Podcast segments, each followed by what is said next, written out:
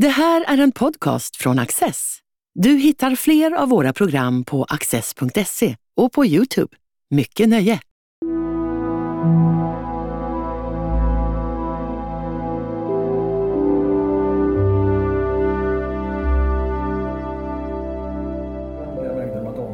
Till Access kulturgryning.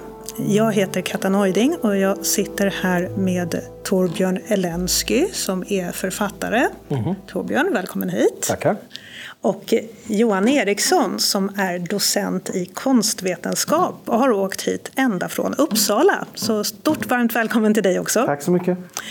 Torbjörn och Johan är här för att idag ska vi prata om italiensk renässanskonst. Eh, var den fri? Vad var dess relation till makten? Och varför är vi fortfarande så fascinerade? Så då ska jag börja med att fråga er, min expertpanel. Begreppet renässansen, vad är det för något? Ja, det betyder ju återfödelse, återfödelse av antiken egentligen. Och begreppet finns, det finns en antydan till det redan under renässansen. Men eh, det, den tar egentligen form under 1800-talet när man ser tillbaka och beskriver den här perioden som en återfödelse av antiken.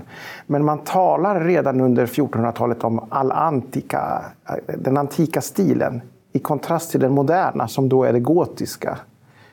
Så det finns antydan om en medvetenhet redan under renässansen men begreppet formas egentligen på 1860-talet. Som så mycket annat. det, där, det där tycker jag det där är väldigt intressant. Inte minst att gotiken just var det moderna. Mm. Som man tyckte var vulgärt. Men sen en sak som jag vill gärna flika in där är att det finns ju så att säga föreställningar om flera renässanser, eller hur? Den karolingiska renässansen på 800-talet eller kring 800. Och sen på 1100-talet då är det också en första våg av då med latinska romerska författare, Ovidius och sånt där, som blir oerhört betydelsefulla. Ja, då kanske vi ska förtydliga för våra lyssnare här att den renässansen som vi pratar om är alltså den italienska. som Fast det är ju den man kallar renässansen. ja. Fast det, det, är ju att det finns liksom flera försök att återknyta till det antika. Ja. Fast inte ta farten då från på 1400-talet. Ja, för att eh, på 1400-talet, eller ja, slutet av 1300-talet beroende på hur man vill räkna, då, det började ju egentligen inte med konst. Det började väl mer med litteratur och arkitektur om jag har förstått saken rätt. Man brukar ju tillskriva Boccaccio, Petrarca och de författarna eh, mycket av någon sorts ursprung till renässansen. Inom konsten och arkitekturen så är det in i 1400-talet, 1400-talets början kan man säga, som man ser en tydligare förändring. Och, och vad, är det, vad är det man ser? Vad är den stora skillnaden? Eller det är ju jättestor skillnad mellan medeltida konst och arkitektur. Men vad, vad är det man ska titta efter för att förstå? I arkitekturen så, så, så börjar man studera då de antika romerska lämningarna som som förut hade varit ganska ointressanta. Och sen eh, för, tittar man också på traktater, skrifter, hur byggnaderna ska vara komponerade. Och man, eh, man försöker då efterlikna det, återskapa kejsarpalatset i Rom. Eh, varje furste vill ha en, en variant av det. Eh, även då den religiösa arkitekturen, kyrkorna, börjar likna romerska tempel och så på ett annat sätt. Och inom måleriet är det olika delar där, till exempel eh, innehållet, eh, motiven blir ju allt mer profana. Man, från att ha varit i huvudsakligen eh, religiöst måleri i kyrkorna, altartavlor och altaruppsatser, så blir det mer och mer eh, profant. Allegorier, porträtt. Apropå litteraturen så vill jag säga att det finns, eh, Petrarca föregrep på något sätt renässansen skulle man väl kunna mm. säga, ganska uttryckligen genom sina idéer eh, om att, så att säga, på något sätt kombinera det romerska med det kristna. Och i detta så fanns det även en enorm spänning som jag tror finns kvar genom hela renässansen mellan de kristna då, kanske mera medeltida idealen om, om ödmjukhet och tro och sånt där och det romerska som är då snarare det, mer, det självhävdande, det liksom lite nästan amoraliska mm. på något sätt, beroende på hur man tolkar. Liksom. Petrarca kämpade med det. Jag har en känsla av att mycket av 1400 och 1500-talet handlar om kampen på något sätt mellan klassiskt och kyrkligt egentligen. Mm. Även om det glider ihop också. Mm. Vi pratade ju lite grann här ute innan, innan mikrofonen var på. Och då sa vi att det är ju inte en slump att eh, kommer man in i en för detta renässansstad, som Florens, eh, Siena och eh, den typen av städer. Det är ju inte en slump att de flesta människor tycker att de är väldigt vackra. För det var ju både eh, det här att man tittade bakåt på romerska och grekiska lämningar. Men också att man använder matematiken på ett annat sätt. Kan det stämma? Visst, eh, olika talserier och eh, proportioner och sådant eh, tar man ju fasta på. Och man söker efter eh, harmonier som man också finner relaterade till musiken, musikens skalor. Och därigenom komma nära, närmare det gudomliga.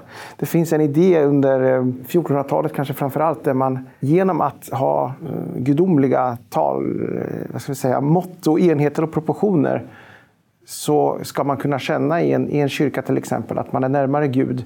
Inte för att man står och mäter och räknar utan för att man genom de här proportionerna kommer närmare det, det gudomliga. Så att Men är det typ gyllene snittet och ja, Fibonacci-talen? Ja, precis. Det där är också en sån verkligt fascinerande sak. Alltså. För det tror jag, jag tror verkligen att det är något helt grundläggande bakom renässansen och eh, som kopplar ihop konsten med den vetenskapliga utvecklingen också. Att man just lär sig mer och mer att abstrahera och sätta upp så att säga, generella formler för saker och ting. Inklusive att då göra ritningar, för det gjorde man väl i stort sett inte under medeltiden. Utan man börjar med Brunelleschi, Alberti och så, att ja. kunna inte bara uppfinna perspektiv utan göra ritningar. Och så, sådana som även då bygger på principer som är skalbara och överförbara mm. mellan olika byggnader. Mm. Menar du att man inte byggde ritningarna på man gjorde, jag tror inte man gjorde ritningar på medeltiden på det sättet. Det finns, men det var mer på en detaljnivå. Medan ja. man projekterar på ett helt annat sätt. Och, inte, och generalisera just ja. utifrån, abstrahera på något sätt också. För det, återigen, det kopplar ju verkligen ihop konsten skulle jag säga, med ingenjörskonsten och vetenskapen på ett sätt som jag tror är mycket, mycket viktigt för hela den senare utvecklingen. Också. Mm. Under dagens samtal så kommer vi för enkelhetens skull försöka hålla oss i Florens och prata om verk som vi hoppas att många av er har sett. Och vi ska också beskriva de här verken noggrant. Och då är frågan, varför pratar vi så mycket om Florens när vi pratar om renässansen? Ja, det är, för att det, är, det är väl för att det är den största renässansstaden framför allt. Hur blev den det? Det fanns dels en rik handel mm. som byggde det hela. Eh, handel med med Fjärran Östern, på att säga, med, om man hade också både, man handlade olika material, framförallt tyger, siden, ull, eh, guld och silver. Det finns eh, olika skrån som är uppbyggda kring de här och de, de är väldigt inflytelserika. Och det är också de som ligger bakom många av de stora beställningarna av arkitektur och även domkyrkan i Florens och så vidare. Men det finns ytterligare två skäl skulle jag säga till att Florens är så centralt. Dels är det för att det är en, en republik som successivt går över visserligen till mer och mer, vad ska vi säga, en, där Medici-familjen får allt större roll och eh, det blir mer en, en, ett furstendöme med tiden. Men från början är det en republik eh, och en, en demokrati. Och därför tror jag att det har lyfts gentemot furstestaterna som är mer tyrannier eller envåldshärskare. En annan faktor tror jag, om vi kopplar det till konsten, att i Florens så skrev Giorgio Vasari en Levite, heter den, alltså de, de eh, berömda konstnärernas liv, eh, där han beskriver enskilda konstnärer och deras konstnärskap. Och den publikationen blev väldigt inflytelserik. Och den täcker hela den florentinska konsthistorien från, från 1200-talet till hans egen tid, 1500-talets mitt. Det finns liknande ansatser i Venedig och i Milano. Men de publiceras inte.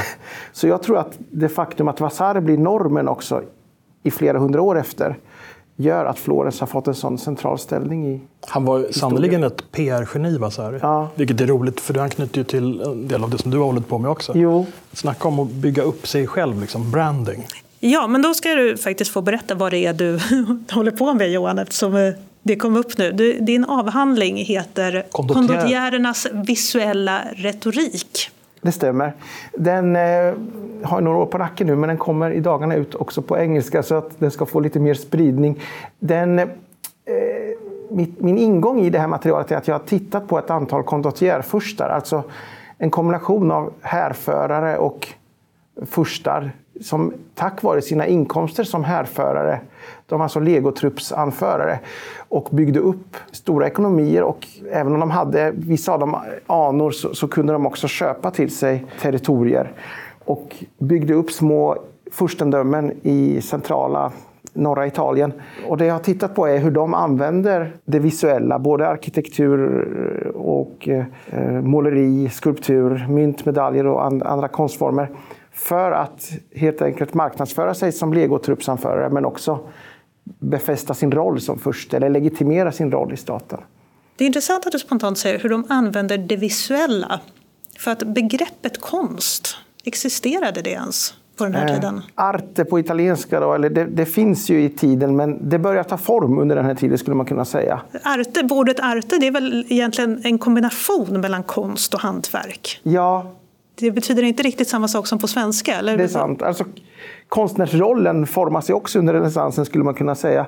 Eh, Från att ha varit eh, utpräglade hantverkare så vill konstnärerna så att säga också lyfta sin roll och legitimera den genom, genom eh, en mer intellektuell hållning och att man, man skriver om konsten, man, man skriver kritik om, konst, om det som är konst. Det, det skulle jag säga, det, om vi pratar om Florens och ska komma in på konkreta verk sen, så skulle jag säga att det är en fantastisk upplevelse när man går genom Uffizi. Och man ser rum efter rum efter rum efter rum med madonnor med barn, där barnen dessutom alla ser mer eller mindre sjuka ut. Det ena efter det andra och så plötsligt kommer man fram och står framför Boccaccios stora sekulära, vad man vill säga, verk. Alltså Venus födelse och Våren, våren La precis, Primavera, La ja. Även Boccaccio gjorde ju oändliga mängder madonnor innan han liksom på något sätt blommade ut verkligen i det Ja, här. Botticelli. Ja, Bot- Bot- Botticelli, förlåt. är Botticelli, ja. Förlåt att jag rättade. Ja, nej, det är helt riktigt. Eh, absolut, visst är det så. Men ska vi ta ett ögonblick med eh, La Primavera här. Det är ju alltså en enorm duk. Eh, Johan, vet du hur stor den är? Eh, kan den vara tre meter bred? Något sånt. Den är ju alltid en träpanå också. Den är, den är målad på trä. Så att, eh, jag tror det är ungefär. Men då har vi alltså en kvinna i mitten eh, med lite rödaktigt hår. Hon är klädd i vitt och så har hon en röd sjal som hon håller med ena handen, så hon andra handen lyft. I, I bakgrunden så ser man en massa, vad jag gissar är apelsinträd. Eh, det flyger en liten tjock bebis med vingar ovanför henne. På ena sidan har hon dansande kvinnor i vitt och en man i rött som sträcker sig efter någon av de här frukterna som jag nu helt plötsligt inte tror är apelsiner längre. Och det är på hennes högra sida. På hennes vänstra sida, det där händer lite konstigheter för då har vi dels en kvinna med blommiga kläder och så efter henne så snubblar liksom en kvinna med genomskinliga vita kläder och hon fångas av Ja, jag har aldrig tittat på den här inte- målningen så nära. Hon fångas av någon elaking här i mörka kläder. Men den som fångar henne, är inte det en vind faktiskt? Ja, vinden anses ju vara den som blåser här. Ja, Sephiros. precis. Torna Zefiro. Johan, du får ge oss sanningen om den här målningen. Nej, det vågar jag inte riktigt göra. Det är- Det är ju så här att det finns ju hyllmeter skrivet om bara en sån här målning om, och, och identifiera de olika gestalterna. Men om man generaliserar lite så bygger det ju dels på antik litteratur, på antik mytologi. I det här fallet så vet man att man har inte bara tittat på en utan flera olika källor. Så det är inte bara en historia som beskrivs utan det är en kombination som den här renässanskonstnären, förmodligen i samråd med humanister, författare vid tiden, har, har skapat. Plus dessutom att en, en del av de här renässanshumanisterna, de var ju väldigt fina och duktiga. Pico della Mirandola och Marsilio Ficino, inte minst, och andra sådana. Men det är ju inte så att de alltid hade helt oförvirrade uppfattningar om saker och ting. Utan en del var ju lite sådär så att de missförstod saker och blandade ihop saker. Men skulle du säga att det finns spår av Ovidius fortfarande? Ja. ja. Det men- menar man att det är både Ovidius och andra romerska författare som ligger till grund för, för den här. Man har också velat koppla den till nyplatonismen. Det finns en, platonismen får en revival under renässansen. Och Det är där Mar- Marsilio Ficino kom in, eller hur? och kopplas också, sammansmälter med, med den kristna tro, läran och tron. Mm. Sen ska man tänka sig att de här styckena, det här är två väldigt kända och eh, tidiga då, allegorier. Eh, och Botticelli gjorde ju fler som sagt, men de är ju tillkomna i en, eh, förmodar man, en ganska privat miljö. Den här förmodligen tillkommen som en, i samband med ett, ett bröllop, men placeras i en privat miljö. Och man kan tänka sig att de också hade en medveten mångtydighet för att man skulle kunna sitta och diskutera innehållet i allegorierna och väga olika filosofiska idéer och olika antika my- mytologier mot varandra. Ja, det är riktigt en conversation piece som man säger. Liksom, verkligen. Exakt. Ja. Ja, men för hur, hur vanligt var det eh, gällande eh, renässansmålningar att syftet någonstans var att bilda den personen som tittade på det? Att ge dem någonting att diskutera om, att lyfta anden en smula? Jag tror att, att eh, om vi tittar på beställarna, för det är ofta de som, som dikterar vad det ska vara för motiv och vad det ska ingå för någonting här, i samråd med olika humanister. att de då beställer sådana här verk för att kunna ha dem och imponera på andra sändebud och gäster och kunna diskutera filosofiska spörsmål och så med de här som grund så att säga. Mm. Fast då måste man ju vara ganska bildad för att kunna diskutera det. Alltså. Ja. Alltså man lär sig kanske inte av verken men däremot så kan man diskutera runt dem. De är ju gjorda för en, en beläst publik. Ja. och det är väl också just då möjligen kan jag tänka mig en skillnad mot medeltiden där man tänker sig att någon sån här idé om biblia pauperum finns det, och mm. fattigas bibel, att bilderna är till för att undervisa mm. folk mm. Eh, som då var analfabeter, medan det här handlar om bildade människor som ska kunna spekulera kring nyplatonism och Platon och Hermes Trismegistus och andra spännande saker. Liksom. Ja, men när vi ändå pratar om vilka som beställde de här målningarna, ja, vilka var de? Eh, just de här vi talar om nu var just Medici-familjen och de var då också stora mecenater och förstod värdet av att investera i, i konst och omge sig av det och också sprida en bild av sig själva som, som stora mecenater. För det är, väl, det är väl det det handlar om, som du också skriver om i din bok, att det handlar väldigt mycket just om en sorts marknadsföring av sig själv. Man skulle knocka sina grannar, ha ännu större, finare, bättre ja. byggnader, konstverk och så vidare. Och att, men ingick det inte i det här också så att säga, en hel kultur av, av spektakel, konserter, processioner. Absolut. Som inte vi ser. Ja. Exakt, som vi inte har så mycket spår av idag. Eh, tyvärr. Så att det kan man lägga till. Det, det visuella som vi har kvar idag ska ju kombineras med allt det här. Ja, de här det är bara rester vi har kvar verkligen. Mm. För, det, för det, det tänkte jag också på för att återknyta igen till det här med perspektivet. Som ju är, man kan tycka att det är en banal sak att de uppfann perspektivet, men det är en väldigt stor sak.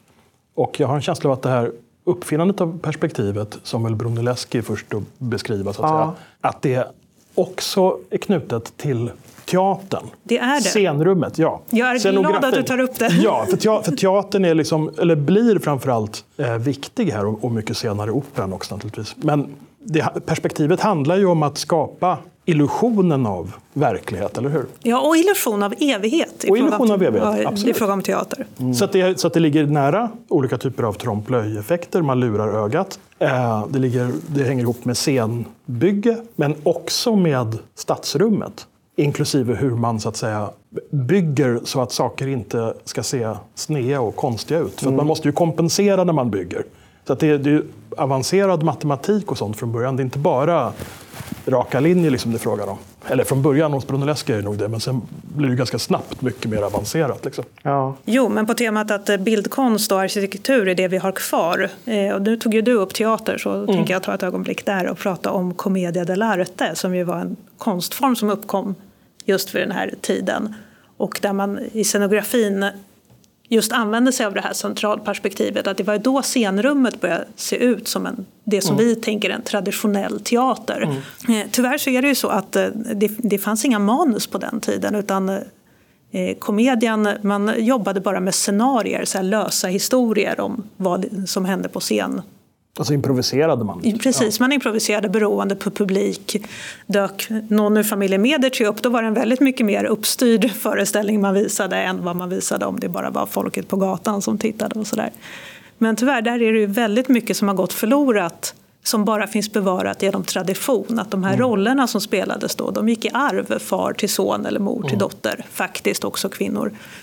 Eh, så att det är lösa scenarier och ett arv. Det, det är det vi ja, har. Vi har inga, inga bevarade hela manus tyvärr. Fast sen är det ju då, inte för att gå in för långt fram i tiden, men sen blir det ju just under 1500-talet som man börjar på allvar skriva pjäser också. Mm. Ja, Inklusive själva Machiavelli som skrev minst Ja, fast själva formen dog då.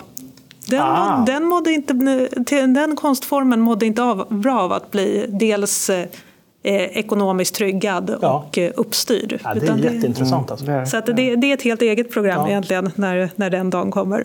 Och det är hundra år senare än det vi Ungefär. Ja. Men hörni, om vi ska gå tillbaka till de här konstnärerna under renässansen. Det finns ju ett antal som man ju inte kommer undan när man, när man pratar så här. Det är ju naturligtvis Leonardo da Vinci, det är Donatello, det är Rafael och Michelangelo.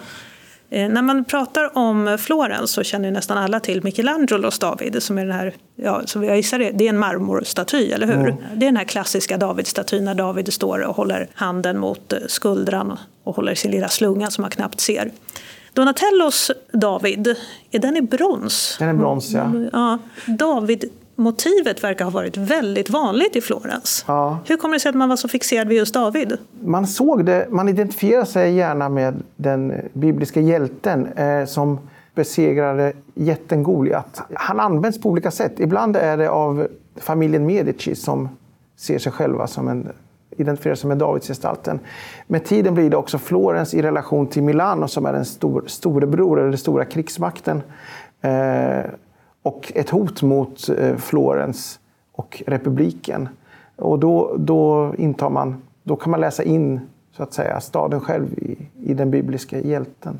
Det här är lite intressant, alltså i relation till det du skriver om i din avhandling och allt vi pratar om här. Att eh, man använder konsten lite som varumärkesstrategi nästan. Mm. Att här försöker man på något sätt skapa en underdog-position ja. för att folk gillar att hålla på en underdog. Är det, är det rätt analyserat? ja, i någon mån är det nog så.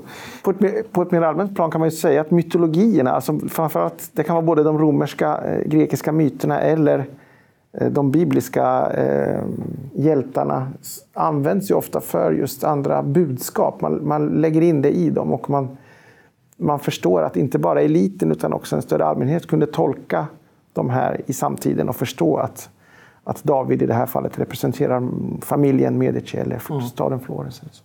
Han ser ju rätt stöddig ut den här Donatello David. Mm. Ja, Han verkligen. står ju verkligen som en riktig kaxig typ med handen i sidan. Liksom. Ja, lite som att det här var väl inget, sånt här gör jag varje dag.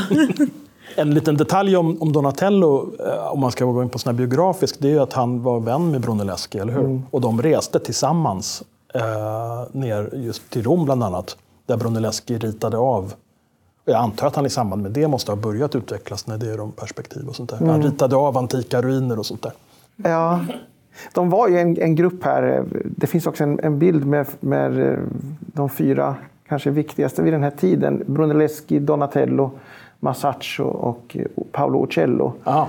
Som, man tillskriver ofta just centralperspektivet till Brunelleschi men Eh, vi vet att alla, med, alla arbetade med det och, vid ungefär samma tid och laborerade med ett linjärt centralperspektiv till exempel. Och de var också verksamma inom flera olika konstformer som skulptörer och målare. Ja, Brunelleschi var ju guldsmed från början, eller ja. Och sen blev han, gjorde han den här kupolen på domen i Florens. Precis. Och förklarade perspektivet i alla fall. Ja, så man kan se redan vid den här tiden att det som Leonardo sen tar upp, den här renässans, eh, idealrenässanskonstnären som, som behärskade så många olika konstarter, det finns redan i tidigt 1400-tal här. Ja, och då måste jag återigen, som jag vill tjata om det här med vetenskap och teknologi, konstaterade, så är den, eh, Da Vinci är ju nästan mest känd numera för alla sina anteckningar och teckningar och sprängskisser och sånt där. Men vad jag förstår så höll de ju på med det under hela 1400-talet. Långt innan Da Vinci tog över det. Och det finns anteckningsböcker med kanske inte alltid lika fantastiska bilder men av bland annat en som heter Mariano di Jacopo det stämmer att är, han är Leonardo da Vinci, om vi går över lite till honom så är han eh, förstås unik. Han är samtidigt ett exempel på ett fenomen som finns i tiden. Ja. När det gäller, om vi, om vi tittar på att, att eh, de här, om vi säger konstnärer, de var inte bara konstnärer, de var ofta fortifikationsingenjörer. De hade många olika strängar på sin lyra. Och det var därför de också skulle, de blev anställningsbara. Ja. För de var ju verksamma vid olika hov och då, då räckte det inte bara att du kunde göra ett snyggt porträtt utan du skulle kunna behärska många olika ja, Kanske till och med räkna ut kanonkulebanor och sånt. Ja, exakt. Och när det gäller da Vin Leonardo da Vinci så en, en, egenskap som ligger i renässansen men som han kanske eh, lyfter ännu mer är kombinationen i de vetenskapliga undersökningar han gör som är både går tillbaka till antika texter men det nya då att empirin får allt mer mm. Och det är kombinationen av den antika, eh, den, den etablerade vetenskapen med empirin som gör att, att det sker något nytt vid den här tiden. Och där, där är vi ju, Leonardo måste man ändå säga unik i någon mån att han, han utövar det här till som Samtidigt, jag undrar om det hänger ihop med de här skråna i Florens. För jag har en känsla av att en stor sak som händer i renässansen som också ingår i det här. Dels är det att handelns roll förändras, så att säga, i och med att ja, kyrkans makt och de gamla jordägarnas makt bryts genom pesten. Och så småningom utvecklas det här som gör att en bankirfamilj mm. som Medici kan få makten i en stad. Mm. Men också det här att hantverket uppvärderas. Att man börjar anse att det, liksom, det är inte något föraktligt att bygga instrument och mäta och väga. Utan tvärtom, det här är ju något fantastiskt. Det är ja. modernt. Det är, det är, det som är återfödelsen, renässansen. Att man liksom kan iaktta världen som den är. Eh, man kan mäta och väga perspektivet naturligtvis, men även liksom på alla möjliga andra sätt. Liksom. Verkligen undersöka. Och det ser man just hos da Vinci, den här fantastiska nyfikenheten på mekaniska lösningar, mekaniska principer, men också själva människokroppen eller djurkroppar. Och sådär. Vi har ju faktiskt en Leonardo da Vinci-tavla här. Inte en av de mest kända, tror jag inte, för att den mest kända är naturligtvis Mona Lisa. Utan jag har för dagens samtal valt eh, da Vincis Bebådelsen. Eh, medeltida bebådelsebilder är ju, upplever jag, här får konsthistorikern gärna säga emot mig, kan, eh, medeltida bebådelsebilder kan, kan ju vara ganska platta och stela. Och så helt plötsligt så hamnar man framför da Vinci där man verkligen ser hur ängeln Gabriel har liksom landat i full fart, bam, ner på marken och hur jungfru Maria, man ser hon verkligen rycker till och blir överraskad. Det är sånt liv, det är sån fart i den här tavlan. Jag tycker den är helt fantastisk. Mm. Och ett tydligt centralperspektiv nu när man börjar leta efter det också. Perspektivet är, är väldigt är konsekvent genomfört här.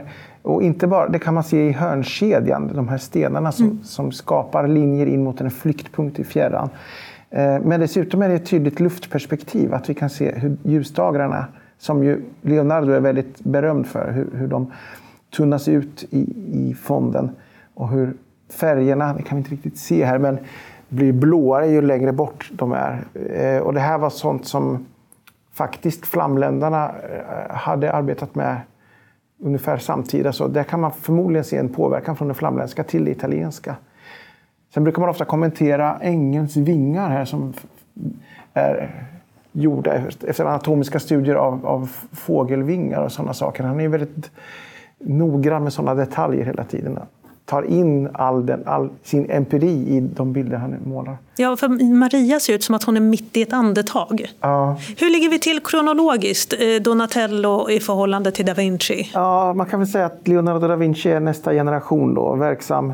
Han, han levde ju ganska långt liv eh, och var verksam från 1470-talet in till 1520 talet. Var Medici ansvariga för honom också? Eh, han utför saker åt Medici-familjen också. Men han får ju ganska snabbt, snart en anställning eh, i Milano. Och då är det i första hand inte för sina egenskaper som konstnär utan som fortifikationsingenjör kan vi säga, för att kunna anlägga det nya Milano. Nu håller jag i min hand en väggmålning, höll jag på att säga. Jag håller naturligtvis inte en väggmålning i handen, utan en utskrift. Där jag ser en massa äldre män i tåga mot ett tydligt centralperspektiv. Nu är det det enda man tänker på. Och inte bara centralperspektiv, utan som om stode det på en scen, eller hur? Ja, och ja. det kan fortsätta i evighet hur man ser mm, himlen där bakom. Vad är det jag tittar på och vem är konstnären? Det är ju Rafaels det är Rafael. Skolan i Aten. Skolan i Aten. Och vilka är det? Är det så att varje enskild person faktiskt är en specifik filosof? Ja, ja det är det. Och inklusive lite konstigt anakronistiska. Uh, för till exempel är väl uh, Averroes eller Avicenna, någon av de arabiska 1211-1200-talsfilosoferna, är med på bilden. Vilket ju är långt efter det här. Men annars är det ju de i mitten är vita stora skägget, Platon. Såklart. Och så bredvid honom i blå tåg, eller vad det är, Aristoteles. Sen går jag bet på att identifiera andra, men det är alla möjliga Demosthenes och eh, Sokrates själv. Kanske det är han som sitter på trappen där, jag är inte riktigt säker. Mm. De här är ju som sagt inte... Du talar om kronologin här. Det här mm. är ju alla de stora filosoferna samlade i en byggnad som liknar Peterskyrkan. Vi kan komma ihåg att Peterskyrkan i Rom började uppföras också vid den här tiden. Så det är den arkitekturen som speglas kan man säga i den här, i den här fresken. Det är en kalkmålning, en fresk målad i våtputs. Vi kan se dem alla samlade. Vi kan också se här konstnären själv, Rafael, avbildad. Jaha, ja, I gott sällskap.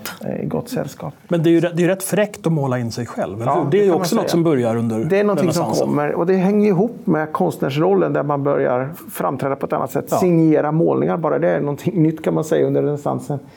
Så att konstnärerna själva skapar ju också en medvetenhet om sitt varumärke. Mm. Eh, vi ser dem ofta idag som genier och det kan man ju tycka att de var, men de, i den genikulten så ligger det i att de var en, man tror eh, att de var enskilda individer, men de hade ju nästan alltid en ateljé. Det gäller ju så gott som alla att de, de var verksamma i en ateljé med många elever men det var mästaren som satte sitt namn på det. Och det var... Jag vill göra en utflykt apropå det till en stad som jag har fått för mig att du också gillar, Milano. Ja. Uh, för där finns det ett fantastiskt konstmuseum som heter Pinacoteca di Brera. Målerisamlingen i Brera. Som är, som är olik Uffizi, för att den är, det är inte alls lika hög nivå på samlingen. Liksom Uffizi är ju alla verk där i världsvunna mästerverk. I Brera däremot så är det lite mer blandad nivå och det är väldigt mycket lokalt från Lombardiet och kanske Emilia-Romagna och mm. sånt där. Och det intressanta med det är att där kan man faktiskt verkligen få en känsla för hur man jobbade i ateljéer. Man gifte sig med varandra, man, ens dotter gifte sig med någon som hade en annan ateljé. Man konkurrerade ateljéerna emellan och det var, verkligen, det var väldigt påtagligt där på ett sätt som kanske är svårare att få syn på på Fitzy. Att det här är en sorts firmor som verkligen tävlar med varandra hela tiden. De ska konkurrera ut varandra, hitta på nya tekniker, blanda bättre färger, ha snyggare perspektiv. Och det är väl i det sammanhanget också som den mest kända målningen där är Mantegnas Kristus som är liksom, jag höll på att säga fotograferad, men avbildad från fötterna i en extrem förkortning. Där han verkligen visar virtuost hur skicklig han är på perspektiv och allting sånt där. På ett sätt som jag föreställer mig måste ha varit någonting som hänger ihop förstås med hans nyfikenhet och vilja att utveckla sig konstnärligt. Men också rent konkurrensmässigt, att man ska visa att jag, jag är den som är skickligast på det här. Mm. Mm. Bra jobbat med varumärkesprofileringen där. För jag mm. tänker till exempel Sixtinska kapellet, Michelangelos eh, där mästerverk vill jag ju säga spontant. Men låg han själv på en ställning och målade hela, hela taket? Ja, det, han, det gjorde han ju, men hela, han var säkert inte ensam om det. Och exakt hur, hur det såg ut med medhjälpare och assistenter, det, det är sånt som många har skrivit om. Och, och, och, men, men jag tror att det ligger mycket i att de vi kan hitta information i skriftliga källor och vi kan, man har kunnat identifiera olika händer i en ateljé. Men det, det ligger någonting i att man vill, var inte intresserad av att beskriva sin verksamhet på det sättet utan det var den här mästaren som var namnet utåt. Och det gör att det är svårare att få grepp om vilka det är som man, man, Jag tror man kan jämföra idag med arkitektkontor. Mm. Där de här superarkitekterna, Kohlhaas och mm. vad de heter, de sätter sitt namn på byggnaden. Men i själva verket är det ju alla deras ritslavar som gör det hela. Ibland till och med de som kommer med idéerna tror jag, men det, ja. det är svårt att utröna förstås. Men om vi pratar om det här med varumärkesprofilering och hur man använder konst. Då vill jag gå tillbaka till familjen Medici. För att eh, det, det, tror jag att vi har kommit fram till att det, det, det, var så att konsten den beställdes av, nu säger jag familjen Medici, men familjer som, familjer som dem. För att de ville säga något specifikt om sig själva genom den konsten de beställde. David visade på ett underdog-perspektiv men de köpte inte hundra målningar med bara David. Vad kunde man mer jobba med? Alltså, ikonografin kunde ju variera och anpassas efter de olika behoven. Medici-familjen är ju dominerande under en lång tid, under flera hundra år. Eh, sen har de förstås ofta eh, man har ju vissa helgon och så som man gärna knyter an till, eh, till exempel. Och man har också vissa, David blir på något sätt en, en Medici gestalt på något sätt. Ehm, men man kunde ju välja helt fritt från, från vad som passade. Från eh, Ovidius till exempel, eh, eller andra antika författare, eller den bibliska, bibliska, från bibliska motiv. Men de här helgonen tycker jag är spännande, för att när man traskar runt på, på italienska museer och kyrkor och så här, det är ju helgon precis överallt, mm. som jag som icke-katolik inte alls förstår. Men det fanns mycket att välja på där och allt betydde olika saker. Ja, alltså de olika beställarna av verken väljer ju skyddshelgon som kan ha att göra med, sin, med familjen eller med faktiska händelser som man vill tacka helgon för, att de har gripit in eller sådant. Valet av helgon är betydelsefullt och man kan som betraktare säkert i tiden också, då förstår man, man vet vilken familj det är som har beställt det här för att de är relaterade till de, de olika helgonen. Eh, man kan också se under 1400-talet kanske framför allt att de olika beställarna identifierar sig och ikläder sig rollen av olika helgon. Sankt Georg eller Sankt Göran är ett tydligt exempel. Han är också ett krigarhelgon så det, det kan många av de här krigarfurstarna gärna identifiera sig med. Men Sankt Sebastian är ju jättevanlig. Ja. Eh, Han med pilar genom hela kroppen. Ja. Vad, vad vill man säga om man identifierar sig med honom? Ja, jag, jag, jag vågar inte säga om det finns några exempel på vi Fast, kan fast, fast, se- fast han, han, om jag får Ja, brutal, han, han är ju ett litet särfall för att han är ju skyddshelgon mot pesten. Jaha, är det Ja, det? det förklarar ju faktiskt mängden. Det är så. Och det, det ironiska med det är att han överlever de här fruktansvärda, den här fruktansvärda... Ja, att få pilar i sig är ju ingen sjukdom, men han överlever den här fruktansvärda prövningen. Så att det man tänkte, han, skulle, han blev vårdad tillbaka till livet. Och på det, av den anledningen, så, vad jag förstått det som, så blev han så att säga symbol för... Eller han blev, han blev skyddshelgon, så att säga, den man bad till som mot pesten helt enkelt. Så att i, i, i hela Toscana är det ju sådana målningar överallt i varenda kyrka. Så han är inte representant för någon familj, det är svårt att tänka mig. Nej, det, det kanske, jag kan inte dra mig till minnes riktigt nu, men jag tänker mig just det här att olika familjer väljer olika helgon och det finns budskap i även det religiösa måleriet som vävs in. Och det, alltså det här med Georg, Sankt Georg, det är ju speciellt att han då var symbol i någon mening för Sverige. Han är symbol för England, eller hur? Jag tror att han- Tempelriddarna har jag för mig också. Ja, för han är symbol för det är väldigt många som har tagit upp honom. Eh, Vi har ett helt land som heter Georgien. Det har med det att göra. Och det är därifrån den här är det rött kors på vit botten. Det är den. Sankt, Georgsflaggan. Här, Ja, där ett precis. exempel i en målning av också just Medici-familjen. Men vad är det här för målning? För Johan, du ville specifikt ha med den här målningen i samtalet. Ja, det är en målning som jag sysslar med för tillfället som finns i ett eh, Medici-slott utanför Florens. En målning som föreställer den heliga familjen med olika helgon, där just Sankt Georg är med. Han är en utav dem. Men där man också kan identifiera familjemedlemmar, alla dessa helgon. Även Maria och Jesusbarnet går att identifiera med medlemmar av Medici-familjen. Den här målningen är ganska, den är ganska okänd. Eh, Den är gjord av en elev till Bronzino. Bronzino var en viktig konstnär under mitten på 1500-talet. Men Fantastisk porträttkonstnär. Eh, exakt, och porträtterade just Medici-familjen. Han var en hov- hovkonstnär där. Och han, den elev till honom som har utfört denna, den har förmodligen varit i en, ett, eh, under lång tid i ett slott i ett castello utanför Rom. Men kom till, tillbaka kan man säga till Florens då på början på 1900-talet. Men det faktum att man för fram olika medlemmar av familjen och identifierar dem med de olika helgonen är ju ett, ett annorlunda sätt, men förekommer vid den här tiden.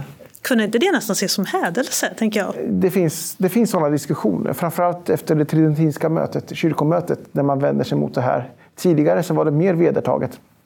Just den här målningen är faktiskt tillkommen efter, men kanske att Medici-familjen kunde kosta på sig det och vågade göra det. Ja, det, är, det är fascinerande den här, den här kombinationen som du säger av att det är en sorts familje, ett familjeporträtt och att alla är helgon. Det är väldigt, väldigt udda. Alltså. Ja. Jag vill gå tillbaka till att prata om det här med porträtt. För att porträttmåleri, existerade det före renässansen? mycket sparsamt, mycket lite. Och det, det, det är inte heller fråga om någon uttalad realism. Men under, under renässansen så värdesätter man det väldigt högt. Och man går ju tillbaka till de romerska mynt som man samlar på. Där, där man ska kunna identifiera de enskilda kejsarna. Och tar upp det. Och det realismen, mimesis, det avbildade får väldigt stor betydelse. Så porträtten går från att ha varit någon sorts porträttlikhet till att verkligen bli avbilder på ett helt nytt sätt. Och utöver det så lägger man också till olika egenskaper. Man ska kunna se successivt i, i porträtten vad, hur, vad den här människan har för egenskaper. Ja, för det fanns ju mycket symbolik att jobba med där. Ja. Men, men även själva uttrycket väl? Jag tycker, du- Uttrycket jag- i jag- ansiktena, ja. Alltså det du beskriver är ju perfekt i den här målningen. Ja, det föreställer en av de här furstarna, Federico da Montefeltro med sonen Guido Baldo. Federico sitter på en, ja, i tron kanske fel att säga, han sitter på en, en, vid en läspulpet En ganska maffig stol. iklädd rustning men med en, en, en bok i handen. Eh, Och sonen som står vid hans fötter och säkrar successionen så att säga. Det är sonen som ska ta över. För det här, det här, jag förstår, du har ju det här porträttet på omslaget till, till din Ja. avhandling i bokutgåvan. Och jag förstår verkligen att du har valt det. För att den, han förtydligar ju verkligen den här kombinationen av att det är dels ett realistiskt porträtt. För han är ju inte direkt förskönad, han ser inte ut som en fotomodell. Och han finns ju på ganska många målningar, Ja. just den här Montefeltro. Men han, är ju samtidigt, han uttrycker ju samtidigt arrogans och styrka på ett sätt som jag antar då inte nödvändigt. Det kan ju vara ett porträttlikt det också, men det är verkligen om man vill framhäva att det här är en kraftfull person. Liksom. Ja, men det kan man även se i tidens eh, teorin kring det här. Att man ska, man ska kunna utläsa den avporträtterades karaktär, karaktärsdrag i ansiktet. Eller, eller som den vill bli sedd åtminstone. Exakt. Fast han lär ju varit rätt Hur- hård, hårdhänt. Det vi har pratat om väldigt mycket nu, det är ju konst där någon från början har haft en väldigt tydlig plan med att den här konsten vill jag ha och så här ska den se ut och det här ska den förmedla. Men ibland händer ju saker som man inte kan påverka, men som konsten i sin tur blir påverkad av. Eller ja, saker som man inte kan räkna med i alla fall. Eh, Konstantinopels fall till exempel, vad, vad hände då? Alltså det, det är ju en jättecentral händelse för renässansen. När Konstantinopel, då, när osmanerna tar in, intar Konstantinopel 1453. Då flyr flera av de här framstående grekiska eh, lärda männen, skolarerna. De flyr till både Venedig och Florens i första hand. Den, de hade, och den mest kända av dem är Gemistos Pleton som hamnar i Florens med hela sitt grekiska bibliotek. Som lär Marsilio Ficino grekiska och som jag antar hjälper honom då att översätta eh, både Platon och Plotinos, jag för mig, och Corpus Hermeticum, sina mystiska skrifter, till italienska. Fantastiskt arbete som på djupet påverkar hur man tänker sen andra hälften av 1400-talet och under hela renässansen helt enkelt. Och de hade ju dessutom, vill jag säga, de hade ju med sig allt det här som då exempelvis araberna som tidigare förmedlade en del av Aristoteles. De var ju helt ointresserade av skönlitteratur, de var ointresserade av dramatik och poesi och sånt där. Ingenting av det förmedlas genom dem, utan allt det kommer i stort sett på ett bräde i de här vagnslasterna, antar jag att det måste ha varit med böcker från Konstantinopel till Venedig och Florens. Har du något konkret exempel på något verk som man kan titta på tydligt? Bland hitta- annat Platons samlade verk, som var okända eh, i stort sett under medeltiden här.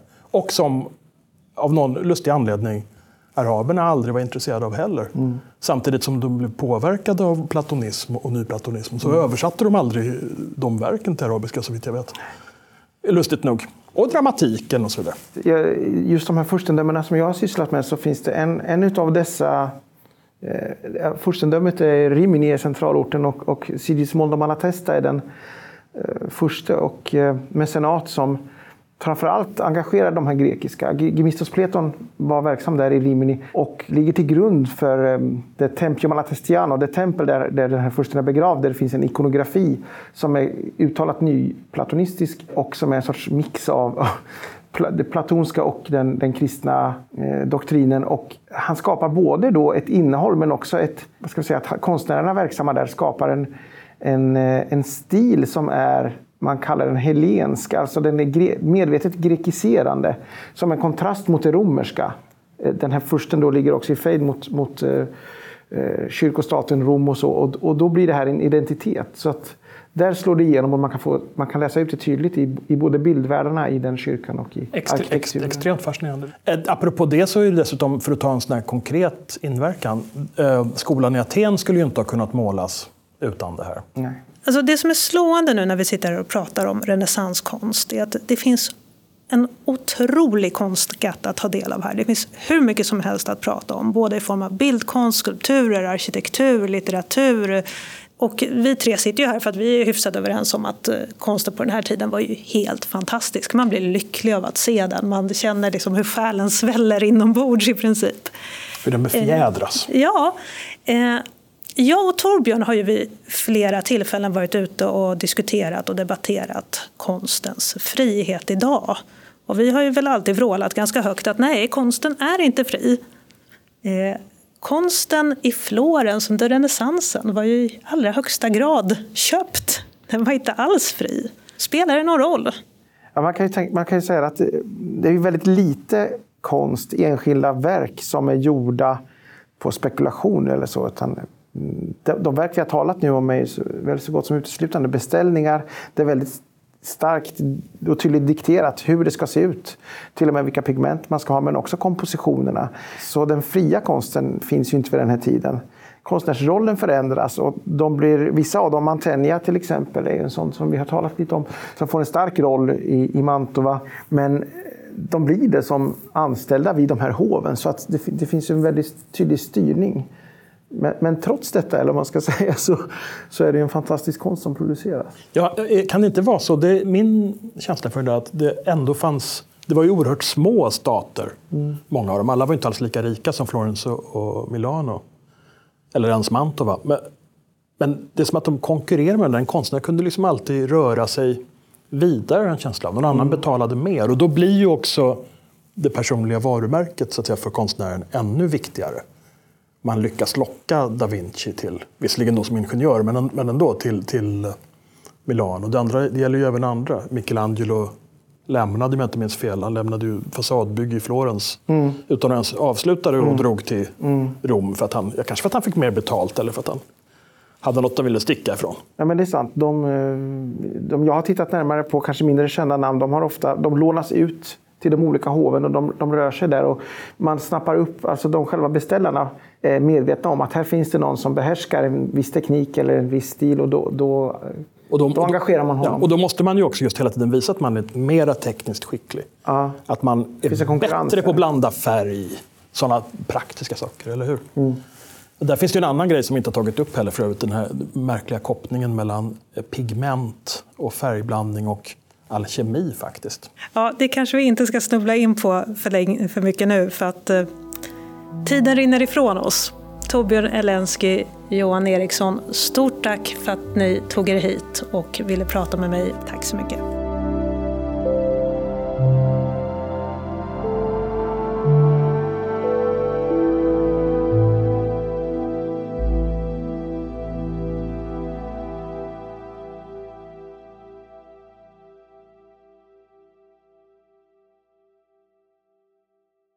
Du har just lyssnat på en podcast från Access.